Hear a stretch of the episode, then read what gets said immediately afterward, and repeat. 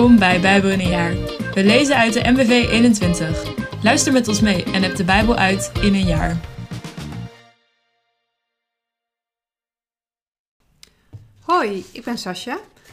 Het is vandaag 8 januari 2022 en we gaan lezen Spreuken 1, vers 8 tot 19, Genesis 17, Genesis 18, Matthäus 6, vers 25 tot 34 en Matthäus 7, vers 1 tot 23. Spreuken 1, vers 8 tot 19. Hoed je voor slecht gezelschap. Mijn zoon, luister naar de lessen van je vader.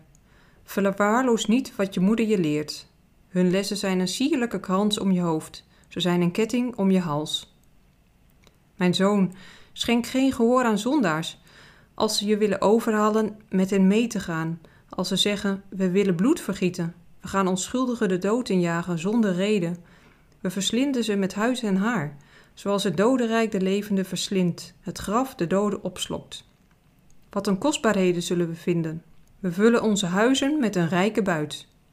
Kom, sluit je bij ons aan, we zullen alles delen. Mijn zoon, ga niet met hen op pad, mijt de weg die zij gaan, want ze haasten zich om kwaad te doen en zijn op bloed belust. Het net wordt tevergeefs gespannen als de vogels toezien. De jagers lopen zelf in de val. Hun eigen bloed zal vloeien. Hun eigen leven is hun prooi. Dat is het lot van allen die uit zijn op roof. Ze bekopen het met de dood. Genesis 17. Verbond tussen God en Abram. Toen Abram 99 jaar was, verscheen de Heer aan hem en zei: Ik ben God, de onzagwekkende. Richt je steeds naar mijn wil en leid een onberispelijk leven. Ik wil met jou een verbond aangaan en ik zal je veel, heel veel nakomelingen geven. Abraham boog zich diep neer en God sprak: Ik doe jou deze belofte. Je zult de stamvader worden van een menigte volken. Je zult voortaan niet meer Abraham heten, maar Abraham, want ik maak je de vader van vele volken. Ik zal je bijzonder vruchtbaar maken er zullen veel volken uit je voortkomen, en onder je nazaten zullen koningen zijn. Ik sluit een verbond met jou en met je nakomelingen, met alle komende generaties een eeuwigdurend verbond. Ik zal jouw God zijn en die van je nakomelingen. Heel Canaan, het land waar je nu als vreemdeling woont, zal ik jou en je nakomelingen voor altijd in bezit geven, en ik zal hun God zijn. Ook zei God tegen Abraham: Jij moet je houden aan dit verbond met mij, evenals je nakomelingen, generatie na generatie. Dit is de verplichting die jullie op je moeten nemen. Alle mannen en jongens moeten worden besneden. Jullie moeten je vooruit laten verwijderen. Dat zal het teken zijn van het verbond tussen mij en jullie. In elke generatie opnieuw moet iedereen van het mannelijk geslacht besneden worden wanneer hij acht dagen oud is. Dit geldt niet alleen voor wie tot je eigen volk behoort, maar ook voor jullie slaven, of ze nu bij jullie geboren zijn of van vreemdelingen zijn gekocht. Iedereen die bij jullie geboren is of door jullie is gekocht, moet worden besneden. Zo zal dit verbond met mij voorgoed zichtbaar zijn aan jullie lichaam. Een onbesnedene, een mannelijk persoon van wie de vooruit niet verwijderd is, moet uit de gemeenschap gestoten worden, omdat hij het verbond verbroken heeft. Verder zei God tegen Abraham: Wat je vrouw Sarai betreft, voortaan moet je haar niet meer Sarai noemen, maar Sarah. Ik zal haar zegenen en jou bij haar een zoon geven. Ik zal haar zo rijk zegenen dat de volken uit haar zullen voortkomen en koningen van haar zullen afstammen. Abraham boog zich diep neer, maar lachte en dacht: Hoe zou iemand van honderd nog een kind kunnen krijgen? En Sarah, zou zij op haar negentigste nog een kind ter wereld kunnen brengen? En hij antwoordde God, al zou Ismaël maar onder uw bescherming mogen staan. Maar God zei, nee, je vrouw Sarah zal je een zoon baren, die je Isaac moet noemen, en met hem zal ik mijn verbond voortzetten. Het zal een eeuwigdurend verbond zijn, dat ook voor zijn nakomelingen zal gelden. En wat Ismaël betreft, ik verhoor je. Ik zal hem zegenen, hem vruchtbaar maken en hem veel, heel veel nakomelingen geven. Twaalf stamvorsten zal hij verwekken en er zal een groot volk uit hem voortkomen. Maar mijn verbond zal ik voortzetten met Isaac. de zoon die Sara je volgend jaar omstreeks deze tijd zal baren. Nadat God zo met hem gesproken had, ging hij bij Abraham vandaan. Nog diezelfde dag besneed Abraham zijn zoon Ismaël, allen die in zijn huis geboren waren en allen die hij gekocht had, kortom, al zijn mannelijke huisgenoten, zoals God hem had opgedragen. Abraham was 99 jaar toen hij besneden werd en zijn zoon Ismaël was 13. Zo werden op één en dezelfde dag Abraham en zijn zoon Ismaël besneden, en ook al Abrahams huisgenoten, zowel zij die in zijn huis geboren waren, als zij die van vreemdelingen waren gekocht. Genesis 18 Sodom en Gomorra De Heer verscheen opnieuw aan Abraham bij de eiken van Mamre. Op het heetst van de dag zat Abraham in de ingang van zijn tent. Toen hij opkeek, zag hij even verderop plotseling drie mannen staan. Onmiddellijk snelde hij de tent uit, naar hen toe. Hij boog diep en zei: Heer, wees toch zo goed uw dienaar niet voorbij te gaan. Ik zal wat water voor u laten halen, zodat u uw voeten kunt wassen. Maak het u hier onder de boom intussen gemakkelijk. Ik zal u ook iets te eten brengen, zodat u weer op krachten kunt komen voordat u verder gaat.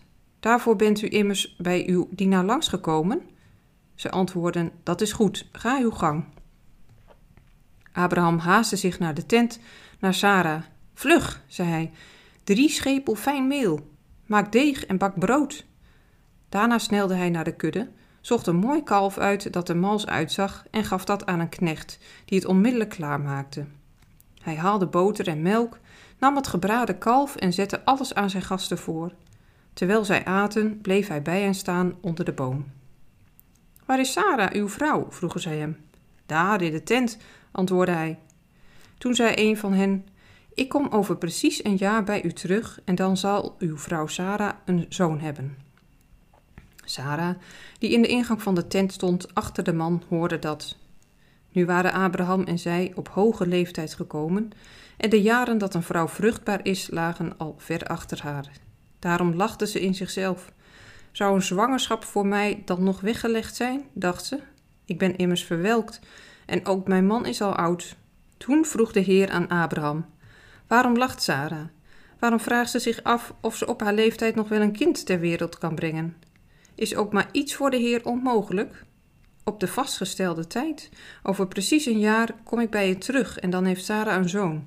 Geschrokken ontkende Sarah: Ik heb niet gelachen. Maar hij zei: Ja, je hebt wel gelachen. Toen de mannen weer verder gingen, lieten ze hun blik op Sodom rusten. Abraham liep met, hen mee om een uitgeleide te doen. De Heer dacht: Waarom zou ik voor Abraham geheim houden wat ik van plan ben? Uit Abraham zal immers een groot en machtig volk voortkomen, en in hem zullen alle volken op aarde gezegend worden. Want ik heb hem uitgekozen. Hij moet zijn zonen en zijn verdere nakomelingen voorhouden de weg te volgen die ik wijs, door rechtvaardig en goed te handelen. Alleen dan zal ik verwezenlijken wat ik Abraham heb toegezegd. Daarom zei de Heer: Er zijn ernstige beschuldigingen geuit tegen Sodom en Gomorra. Hun zonden zijn ongehoord groot. Ik zal er naartoe gaan om te zien of de klachten die ik over hen heb gehoord gegrond zijn en zij verwoesting over zich hebben afgeroepen. Dat wil ik weten. Toen gingen de mannen weg naar Sodom, maar Abraham bleef voor de Heer staan. Abraham ging dichter naar hem toe en vroeg: Wilt u dan behalve de schuldigen ook de onschuldigen het leven benemen? Misschien dat er in die stad vijftig onschuldigen zijn. Zou u die dan ook uit het leven wegrukken en niet de hele stad vergeving schenken omwille van die vijftig onschuldige inwoners? Zoiets kunt u toch niet doen? Hem samen met de schuldigen laten omkomen? Dan zouden schuldigen en onschuldigen over één kam worden geschoren. Dat kunt u toch niet doen? Hij die rechter is over de hele aarde, moet toch rechtvaardig handelen? De Heer antwoordde: Als ik in Sodom vijftig onschuldigen aantref, zal ik omwille van hen de hele stad vergeving schenken. Hierop zei Abraham: Nu ik eenmaal zo vrij ben geweest de Heer aan te spreken, hoewel ik niets dan stof ben, stel dat er aan die vijftig onschuldigen vijf ontbreken. Zou u dan toch vanwege die vijf de hele stad verwoesten? Nee, antwoordde hij, ik zal haar niet verwoesten als ik er 45 aantref. Opnieuw sprak Abraham hen aan. En stel dat het er maar 40 zijn, dan zal ik het niet doen omwille van die 40. Toen zei hij: Ik hoop dat u niet kwaad wordt, heer, wanneer ik het waag door te, door te gaan. Stel dat het er maar 30 zijn. Ik zal het niet doen als ik het 30 aantref. Hierop zei hij: Ik ben zo vrij de Heer opnieuw aan te spreken. Stel dat het er maar twintig zijn. Dan zal ik de stad niet verwoesten omwille van die twintig. Abraham zei: Ik hoop dat u niet kwaad wordt, Heer, wanneer ik het nog één keer waag iets te zeggen. Stel dat het er maar tien zijn. Dan zal ik haar niet verwoesten omwille van die tien. Zodra de Heer zijn gesprek met Abraham had beëindigd, ging hij weg. En Abraham keerde terug naar de plaats waar hij woonde. Matthäus 6, vers 25 tot 34. Daarom zeg ik jullie: maak je geen zorgen over je leven, over wat je zult eten of drinken, noch over je lichaam, over wat je zult aantrekken. Is het leven niet meer dan voedsel en het lichaam niet meer dan kleding? Kijk naar de vogels in de lucht. Ze zaaien niet en oogsten niet en vullen geen voorraadschuren. Het is jullie hemelse Vader die ze voedt. Zijn jullie niet meer waard dan zij? Wie van jullie kan door zich zorgen te maken ook maar één dag aan zijn levensduur toevoegen? En wat maken jullie je zorgen over kleding? Kijk eens naar de lelies. Kijk hoe ze groeien in het veld. Ze werken niet en weven niet. Ik zeg jullie, zelfs Salomo ging in al zijn luister niet gekleed als een van hen. Als God het groen dat vandaag nog op het veld staat en morgen in de oven gegooid wordt, al met zoveel zorg kleedt, met hoeveel meer zorg zal Hij jullie dan niet kleden, kleingelovigen? Vraag je dus niet bezorgd af: wat zullen we eten? Of wat zullen we drinken? Of waarmee zullen we ons kleden? Dat zijn allemaal dingen die de heidenen najagen. Jullie hemelse Vader weet wel dat jullie dat alles nodig hebben. Zoek liever eerst het koninkrijk van God en zijn gerechtigheid. Dan zullen al die andere dingen je erbij gegeven worden. Maak je dus geen zorgen voor de dag van morgen, want de dag van morgen zorgt wel voor zichzelf. Elke dag heeft genoeg aan zijn eigen kwaad. Matthäus 7, vers 1 tot 23. Oordeel niet, opdat het niet over jullie geoordeeld wordt. Want op grond van het oordeel dat je velt, zal over jou geoordeeld worden, en met de maat waarmee je meet, zal jou de maat genomen worden. Waarom kijk je naar de splinter in het oog van je broeder of zuster, terwijl je de balk in je eigen oog niet opmerkt? Hoe kun je tegen hen zeggen: Laat mij de splinter uit je oog verwijderen, zolang je nog een balk in je eigen oog hebt? Huigelaar, verwijder eerst de balk uit je eigen oog. Pas dan zul je scherp genoeg zien om de splinter uit het oog van je broeder of zuster te verwijderen. Geef wat heilig is niet aan de honden en gooi je parels niet voor de zwijnen. Die zouden ze met hun poten vertrappen en zich dan omkeren en jullie verscheuren. Vraag en er zal je gegeven worden, zoek en je zult vinden, klop en er zal voor je worden opengedaan. Want ieder die vraagt ontvangt, en wie zoekt vindt, en voor wie klopt zal worden opengedaan. Is er iemand onder jullie die zijn kind, als het om een brood vraagt, een steen zou geven? Of een slang, als het om een vis vraagt?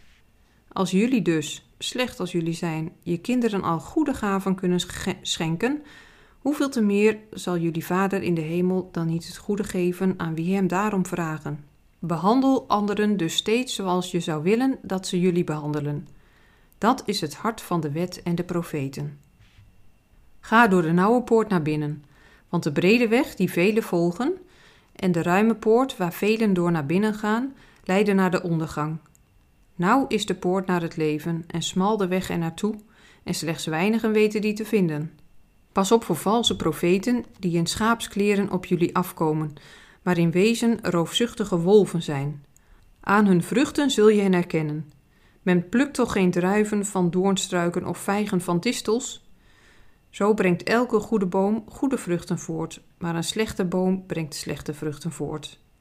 Een goede boom kan geen slechte vruchten voortbrengen, evenmin als een slechte boom goede vruchten. Elke boom die geen goede vruchten voortbrengt, wordt omgehakt en in het vuur geworpen. Zo kunnen jullie hen dus aan hun vruchten herkennen. Niet iedereen die Heer, Heer tegen mij zegt, zal het koninkrijk van de hemel binnengaan. Alleen wie handelt naar de wil van mijn hemelse Vader. Op die dag zullen velen tegen mij zeggen: Heer, Heer, hebben wij niet in uw naam geprofeteerd? Hebben wij niet in uw naam demonen uitgedreven en hebben wij niet in uw naam vele wonderen verricht? En dan zal ik hun recht uitzeggen: Ik heb jullie nooit gekend. Weg met jullie, onrechtplegers. Leuk dat je luisterde en een fijne dag. Doeg!